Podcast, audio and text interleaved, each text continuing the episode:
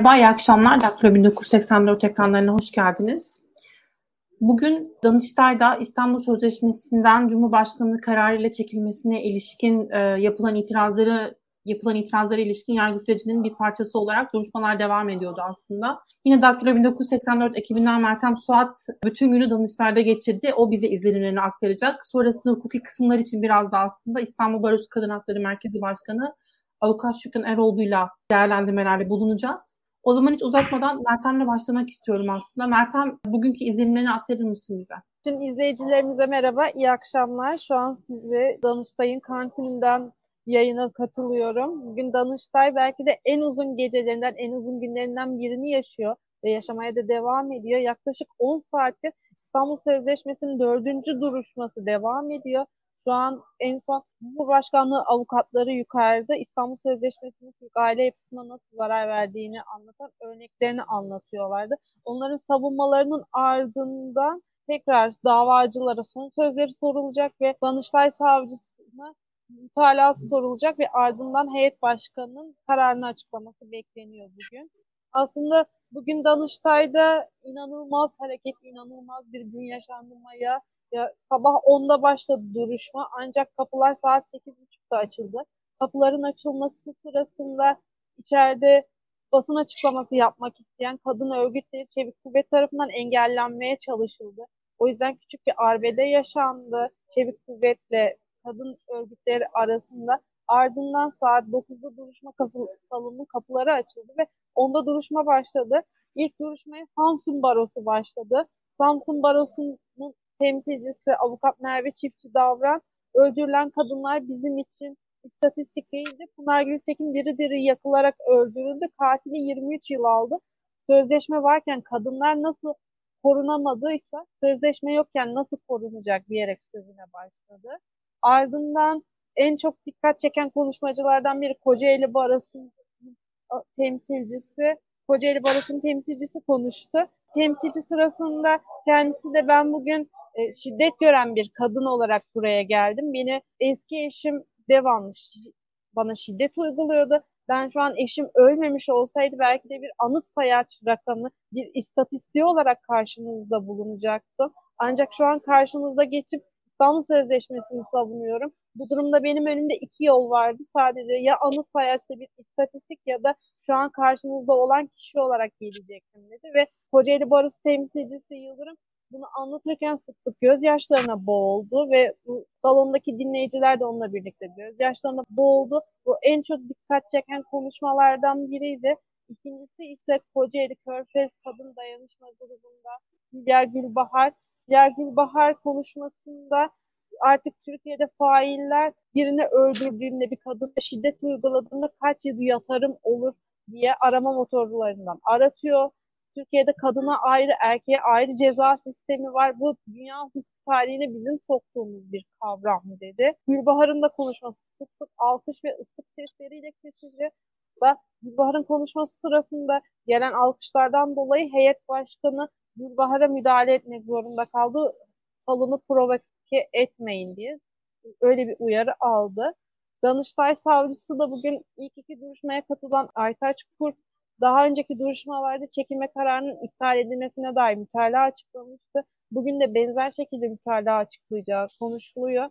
Şu an dediğim gibi davalı avukatları söz alıyor. En son davacı gruplardan Ankara Diş Hekimleri Odası üyeleri, avukatları konuştu.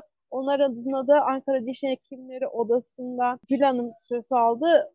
Kendisi de savunmasında dedi ki daha geçtiğimiz aylarda Kadıköy'de Şeyma Biran kliniğinde katledildi. Biz artık diş hekimi kadınlar olarak yalnız kalmak istemiyoruz iş yerlerimizde. Korkuyoruz. Ben de dahil birçok meslektaşım korkuyor. İstanbul Sözleşmesi olmasa bizi kim koruyacak dedi. Onun da sözleri salınan büyük tepki gördü. Yani şu an Danıştay'da yaklaşık 10 saati aşan duruşma devam ediyor. Dediğim gibi en uzun günlerinden biri. Ne karar çıkacağını bilmiyoruz. Ancak konuştuğum avukatlara göre bir karar çıkacak. Çünkü önümüzde hem bayram tatili hem de adli tatil var. Adli tatile sarkmadan bugünkü duruşmaların bitirileceği düşünülüyor. Bugüne kadar 60 ayrı dava görüldü 28 Nisan'dan bu yana.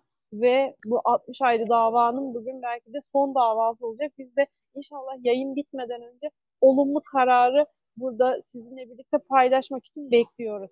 Şükür Hanım'a dönmek istiyorum aslında. İstanbul Sözleşmesi sembolik bir anlam kazandı. Kadın hareketinde, Türkiye'de kadın hareketinin mücadelesi anlamında bambaşka bir bağlama oturuyor artık. Bunları konuşmak istiyorum ama önce hukuki meseleye tekrar dönmek lazım. Danıştay savcısının dahi sözleşmenin sözleşmeden çekil, çekilme sürecinin Cumhurbaşkanı kararıyla tatbik edilemeyeceğine ilişkin görüş belirttiği bir ortamda kararın nasıl çıkmasını bekliyorsunuz? Umudunuz var mı? Umut etmek istiyoruz biz kadınlar olarak. Çünkü İstanbul Sözleşmesi bizim için vazgeçilmez ve hiçbir zaman için çekilmeyi kabul etmediğimiz bir sözleşme. Dolayısıyla da tabii ki oradan doğru bir karar çıkmasını, yargının doğru ve adil bir karar vermesini bekliyoruz ki bu da normal olarak e, savcıların da mütalası doğrultusunda bu kararın iptali olmalıdır. Bugün umuyoruz ki bir karar verir Danıştay. Ama vermedikleri takdirde yine kararı diğer duruşmalarda olduğu gibi kararı sonra açıklayacağız derlerse o zaman da bu kararın çekilme kararının hukuka uygun olmadığı, anayasaya aykırı olduğu, temel hak ve özgürlükleri düzenleyen uluslararası bir sözleşmeden kararname ile bile çekilmenin söz konusu olmadığı bir durumda Cumhurbaşkanlığı kararı, kararıyla çekilmenin yasal olmayacağı, yasaya uygun olmadığı yönünde bir karar vermesi gerekiyor Danıştay'ın. Ve biz kadınlar e, böyle bir karar bekliyoruz, böyle olmasını umuyoruz.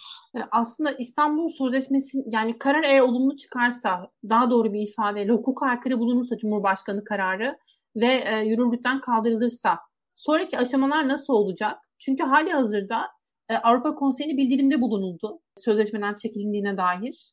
E bu durumda normal bir hukuk devletinde tekrar bürokratların, bürokrasinin aslında karar, Danıştay'ın kararını aynen tatbik etmesini bekleriz. Burada sizin beklentiniz ne? Eğer Danıştay'dan bütün karar çıkarsa bu anlamda nasıl bir süreç bekliyor bizi? E, tabii ki normal e, hukuki prosedürün izlenmesi gerekir. Kaldı ki şu anda Türkiye Büyük Millet Meclisi biliyorsunuz sözleşmeyi bir yasa çıkararak onayladı. Dolayısıyla o yasa hala yürürlükte. Yani yasayı lağvetmediler, iptal etmediler. Dolayısıyla o yasaya dayanarak tekrar sözleşmeye geri dönülmesi, imza konulması ve bundan sonrasında da bugüne kadar yapılmayan uygulamaların hepsinin hayata geçirilmesi gerekiyor. Çünkü bize bu süreç gösterdi ki yani Mart'tan bu yana yaşadığımız süreç gösterdi ki kadın cinayetlerinin önüne geçemiyoruz. Kadınları hani iç mevzuatımızda koruruz. Bizim 6284 sayılı yasamız var. Bu sözleşmeye ihtiyacımız yok diyenlerin bütün sözleri maalesef ki boşa çıktı. Çünkü sadece 6 ayda Türkiye'de 130'un üzerinde kadın öldürüldü. Dolayısıyla artık bu konuda da Türkiye'nin ciddi davranıp hani deyim yerindeyse oturup şapkasının önüne koyup düşünüp ve bundan sonrasında kadınları nasıl koruyacağız? Kadın cinayetlerinin önüne nasıl geçeceğizin yol haritasını bir an önce çıkartması gerekiyor. İstanbul Sözleşmesi bunun yol haritasını zaten çiziyor. Dolayısıyla da bütün onları yerine getirmeleri ve uygulamaları gerekiyor. Aslında seçim takvimi de yaklaşırken burada bu konunun eğer Danıştay olumlu karar verse dahi Danıştay İstanbul Sözleşmesi'nden çekilme kararının hukuksuz olduğunu ilan ediyor olsa dahi bu yönde bir karar veriyor olsa dahi burada hükümetin nasıl bir e, tutum takınacağını kestirebilmek zor. Politize edilme ihtimali çok yüksek aslında. Burada şeyi soracağım. Düzeltin yanlışsam. İşte burada karar çıktıktan sonra tekrar bir üst merciye gitme ihtimali var mı? Hükümetin Tabii bunu ki. daha uzak, Danıştay idari... Hı hı. E, bu karar siyasi bir karar. Yani belli çevreleri mutlu etmek, onların söyledikleri doğrultusunda hareket ettiklerini göstermek, kendi siyasetlerinin örtüştüğü gruplarla hareket etmek üzere verilmiş bir karar zaten. Türkiye nüfusunun yarısını teşkil eden kadınları da hiçe sayarak verilmiş bir karar. Dolayısıyla burada politik olmadığını hiç kimse söyleyemez bu kararı. Kaldı ki dediğim gibi bir Cumhurbaşkanı kararının bu şekilde çıkması da çok enteresan. Çünkü Cumhurbaşkanının hala anayasada tarafsız olması gerektiği vurgulanıyor. Ama e, öyle bir sistem var ki Cumhurbaşkanı aynı zamanda bir partinin genel başkanı. Bu da çok ilginç. Yani tarafsız ol, davranacağı üzerine yemin ederek bu göreve başladı. Ama şu anda bir partinin genel başkanı ve dolayısıyla tabii ki o partinin politikasını izlemek zorunda. Çünkü genel başkan. Yani onun için bu kararın siyasi olmadığını hiç kimse söyleyemez. Tamamen siyasi bir karardır ve biz bu yanlış siyasetten bir an önce dönülmesini istiyoruz. Çünkü kadınlar hiçbirimizin can güvenliği yok. Hiçbirimiz yarın sokaklarda öldürülmeyeceğimiz konusunda bir rahatlık içerisinde değiliz. Eğer e, bu sözleşmenin bir şekilde tatbiki başarılabilirse Türkiye'de yeniden sanırım bu da en hakkı verilecek şekilde kadın hareketini ve LGBTQ hareketini Türkiye'de başarısı olarak kayıtlara geçecek. Aslında bunun ne kadar politize olduğunu Süleyman Soylu'nun geçtiğimiz günlerdeki açıklamalarından da gördük. Amerika bizi LGBTQ yapmak istiyor falan gibisinden gerçekten trajikomik konseptten bu kadar bağımsız, anlamdan bu kadar uzak, kayıp kopuk bir açıklama ve bu da aslında hükümeti tam olarak neyi amaçladığını gösteriyor. Mert'in duyumu vardı. Yayından önce konuştuk. Onu aktarabilir mi bilmiyorum. Sanırım Çanakkale'de olması lazım. Evet. O, o duyumu alacağım senden. Onu şunu söylemek istiyorum. Bu da aslında Millet İttifakı'nda da bazı riskler olabilir mi? Eğer Millet İttifakı seçimi kazanırsa burada bazı problemler yaşar, yaşar mıyızı belki gündeme getirecek. Aktarır mısın Meltem? Bugün Çanakkale Barosu'ndan avukat İnce İnce Sağır savunmasında Çanakkale geçtiğimiz haftalarda iptal edilen Çanakkale onur yürüyüşüne gelen tepkileri paylaşmaya. Bu gelen tepki mesajları arasında Şevki Öktem isimli bir kullanıcının mesajıyla başladı. Şevki Öktem onur yürüyüşünü düzenleyen komiteye e, sizi burada sağ yaşatmam, pompalımı temizlemeye başladım gibi ifadelerde bulunmuş. Ama İnci Sağır duruşmasının savunmasında şunu aktardı. Bu mesajları atan Şevki Öktem bizim valiliğe bizi koruyun, bizi güvenlik sağlayın bildirimimizden bir iki gün sonra Çanakkale valisiyle omuz omuza fotoğraf çektirdi ve bunu sosyal medyada Çanakkale valimizle konuştu. Onur yürüyüşünü düzenlemeyecek çok şükür bundan da kurtulduk mesajıyla paylaştı. Demek ki vali bizi değil onu korumak için aslında bizi dinlemiş savunmasını yaptı. Ardından ise bu gelen tepkiler arasında Saadet Partisi Çanakkale Teşkilatı'ndan kişilerin de olduğunu, onların da şehitlerin mekanı Çanakkale'de onur yürüyüşüne yer yok. Eğer sizi onur yürüyüşü düzenletirsek sonumuz ya hapishane olacak ya mapushane tarzında söylemlerde bulunduğunu söyledi. Bu da dikkat çeken bir ayrıntı. Yani dediğim gibi Çanakkale'de hem faillerden birinin, olası faillerden birinin valiyle fotoğraf çektirmesi ki bunu sık sık görüyoruz. Suçlumun İçişleri Bakanı'yla ya da herhangi bir devlet kamu görevlisiyle omuz omuza fotoğraf çektirmesini.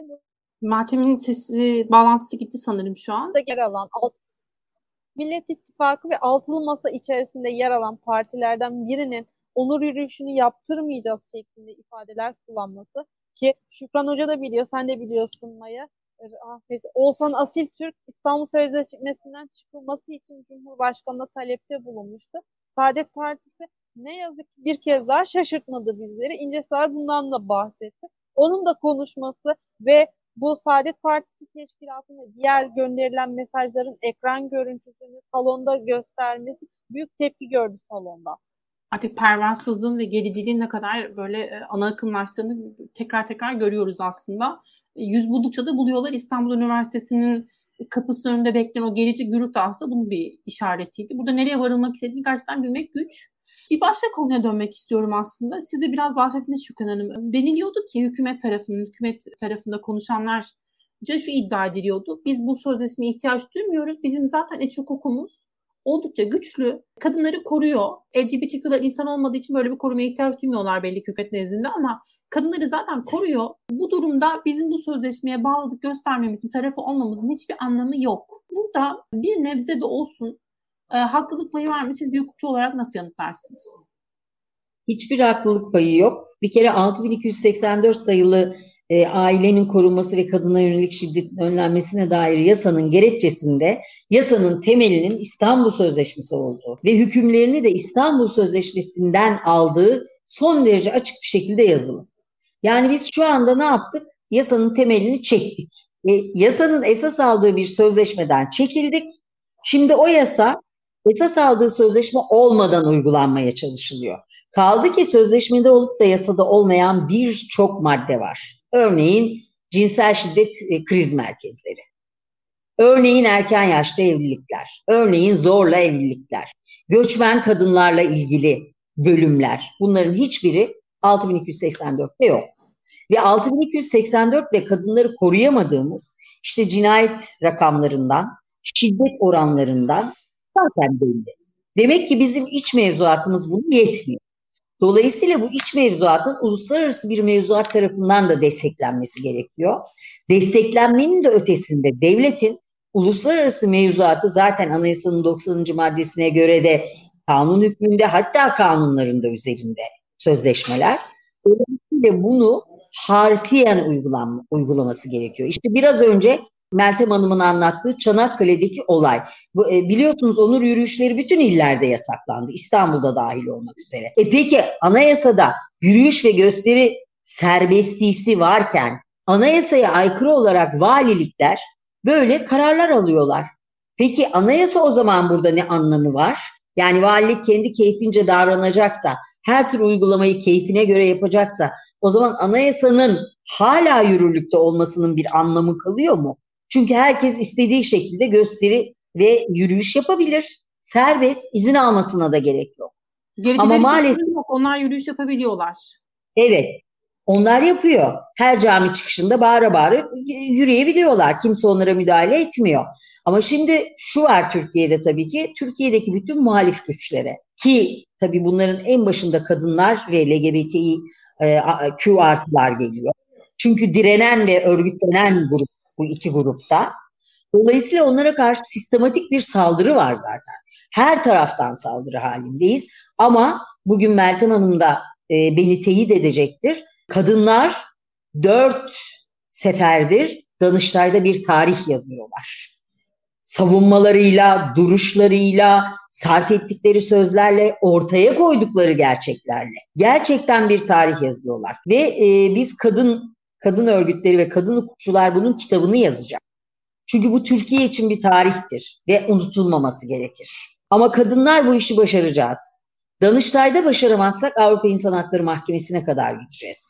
Biz durmayacağız, susmayacağız ve sonuna kadar mücadeleye devam edeceğiz. Çünkü başka şansımız yok. Çünkü her taraftan kuşatılmış, her taraftan saldırı altındayız ne yazık ben bir araya girmek istiyorum. Bu arada son dakika savcı Aytaç Kurt mütalasını tekrarladı. Çekilme kararının hukuka aykırı olduğunu ve yine iptal edilmesi gerektiğini yineledi duruşma salonunda. Yine aynı şekilde duruşma salonunda şu an kadın örgütleri ve davacı avukatlar tarafından büyük bir coşku olduğu söyleniyor. Ve son sözler alınacak. Nihai kararın çıkmasını bekliyoruz yukarıda. Umarız istediğimiz gibi çıkar.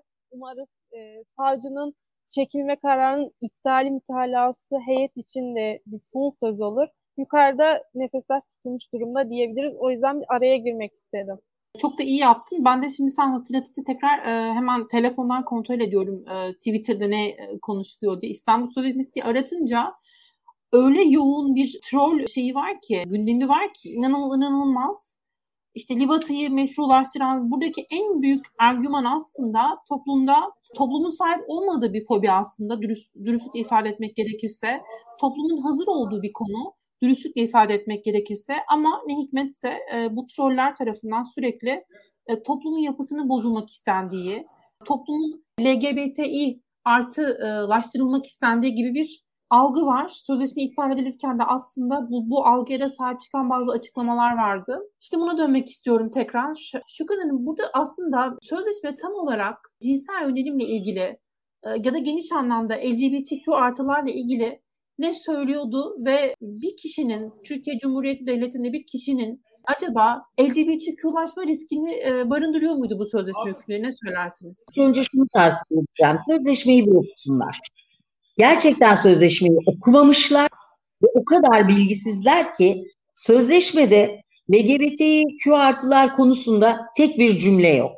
Sözleşmenin dördüncü maddesi, üçüncü bendi temel hakların ve düzenlenmesiyle ilgili maddedir. Söylenmek istenen şu. Diyor ki ey taraf devlet sen eğer bir şiddet söz konusuysa topraklarında yaşayan herkese kanunları eşit olarak uygulayacaksın. Bütün önlemleri eşit olarak alacaksın ve burada ırk, dil, din, medeni hal, doğum durumu, azınlık olma, göçmen olma, cinsel yönelim, cinsel kimlik, cinsiyet. Bakın bunları tek tek tek tek sayıyor. Siyasi düşünce, siyasi olmayan düşünce, felsefi inanç ayırt edemezsin diyor. Söylemek istediği tek şey bu. Yani diyor ki ayrımcılık yapmayacaksın. Eğer şiddet söz konusuysa herkese Sözleşmede zaten cinsel yönelim ve cinsel kimlik sadece dördüncü maddenin üçüncü bendinde geçer ve iki tanım olarak geçer. İki kelime olarak geçer. Bunun dışında tek bir cümle düzenleme yoktur. Kaldı ki LGBTİ artılar, bireyler bu toplumun bir gerçeği. Biz onları yok mu sayacağız? O zaman engellileri de yok sayalım. O zaman e, kadınları da yok sayalım. Hayvanları da yok sayalım. Dolayısıyla bu aslında insan haklarına aykırıdır. Çünkü insan hakları herkes için geçerlidir. Orada da ırk, dil, din hiçbir şey ayrımı yapılmaz. Kaldı ki anayasanın 10. maddesinde kullanıyor aynı şey. Diyor ki sen dil, din, ırk, cinsiyet, mezhep, siyasi düşünce, siyasi olmayan düşünce, inanç hiçbir ayrım yap yapılmaksızın herkes yasalar önünde eşittir diyor. Ve devlet hiçbir kuruluşa, kişiye, zümreye ayrımcılık yapamaz. Kadınlarla erkekler arasında da eşitliği sağlamak zorundadır diyor. E aynı şey diğer tarafta İstanbul Sözleşmesi'nde daha geniş kavramlarla bunu ortaya koyuyor. Sözleşmeyi bilmeden, sözleşmenin ruhunu, sözleşmede düzenlenen konuları anlamadan kalkıp cahilce laf etmek sadece bir algı yaratmak ve bir nefret söylemi aslında. Nefret söylemleri suç ama hiçbir savcı bu konuda ne yazık ki işlem yapmıyor. Resmen işlem yapma hakkı olduğu, yetkisi olduğu halde. Ben bu arada araya girmek istiyorum. Duruşma sona erdi. 12,5 saati aşan duruşma sona erdi ve ne yazık ki yine karar çıkmadı. Kararın adli tatil sonrasına kaldığı belirtiliyor. Şu anda da az önce yanımdan heyet başkanı, heyet üyeleri ve davalı avukatın ne, nasılsa yan yana geçip gittiler ve ne yazık ki İstanbul Sözleşmesi davası yine bir başka bir başka bahara kaldı. Meltem Hanım şu ben söylemiştim zaten. Çok acıdır ki en basit Türk mahkemesinde bile kısa karar açıklanırken koskoca Danıştay'ın kısa karar açıklamaması da çok enteresandır. Yargının siyasallaştığının da bir göstergesidir. Oysa yargı bağımsız olmak zorundadır. Kararını bağımsız ve tarafsız olarak vermek zorundadır. Ama ne yazık ki bakın bu dördüncü defa kadınlar Danıştay'dalar. Birçok davacı Danıştay'da ve hala karar çıkmıyor. Bu Türkiye için çok büyük bir ayıptır. En basiti bir hukuk garabetidir. Hukuk adına, ülke adına çok büyük bir ayıp. Daha birkaç gün önce aslında yine bu hakim kararname yayınladı HSK ve hükümetin sevmediği, beğenmediği kararları alanlar, hatta bu kararlar çıkmadı. E, çoğunlukla muhalefet şerri olarak kaldı. Ama hükümet bununla bile yetinmiyor. En ufak bir itirazı bastırmak için tüm gücüyle aslında kendini ortaya koyuyor. Kadın hareketleri ve LGBT hareketleri de öyle yapmaya devam edecek ama e, karşılarında bu direnci bulacaklar. Çok belli ki. Çünkü aslında kor- koruyacak bizi başka bir şey de yok. Bizi bizden başka koruyacak hiç kimse ve hiçbir hiçbir durum yok aslında. Kendimizden başka dostluk yok yalnız iyi düşünsünler. Bu ülkenin 49 milyonu kadın. Bunda 42 milyonu pardon kadın. Yüzde 49.9'u bunu da iyi düşünsünler. Seçim yaklaşıyor çünkü. Seçim zamanı kadınların lehine, kadınlardan yana bir sürü cümleler sarf etmeye başlar. Ama artık kadınlar maalesef ki onların istediği gibi davranmayacak. Çünkü kadınlar artık haklarını, hukuklarını öğreniyorlar haklarını savunmayı öğreniyorlar en önemlisi. Birlikte yan yana mücadele etmeyi başarıyorlar. Dolayısıyla iyi düşünsünler. AKP hükümetinin yıllarca kadın haklarını önceliyormuşçasına özellikle başörtülü kadınlar üzerinden yaptığı hak savunuculuğu aslında nasıl bir maske olduğu da bunun ve bu maske düştü aslında çok açıkça e, belirtmek gerekir. Şu an benim tarafımdan eklenecek bir şey yok. Danıştay şu an Daktilo 1984'ü bekliyor sağ olsun Danıştay çalışanları bizim yayınımız için burayı kapatmadılar. Ben yavaş yavaş hem Şükran Hanım'a hem izleyicilerimize hem de sana veda etmek zorundayım. Çünkü birazdan Danıştay kapanacak. Ben de çıkmak zorunda kalacağım. Yaklaşık 12,5 saati devirdik burada dediğim gibi. Keşke nihai karar da çıksaydı ama adli tatil sonrasına kaldı. Artık Eylül, Eylül ayında umarız olumlu bir kararla tekrar karşınızda oluruz. Herkese iyi akşamlar. İzlediğiniz için çok teşekkür ederim. Ayrıca sana da iyi akşamlar. İyi akşamlar. Biz yayını kapatalım. Şükran Hanım çok teşekkürler yayına katıldığınız için. Meltem çok sağ ol gelişmeleri aktardığın için, bizle paylaştığın için. Herkese iyi akşamlar dilemiş olalım. Görüşmek üzere. Görüşmek, Görüşmek üzere. üzere.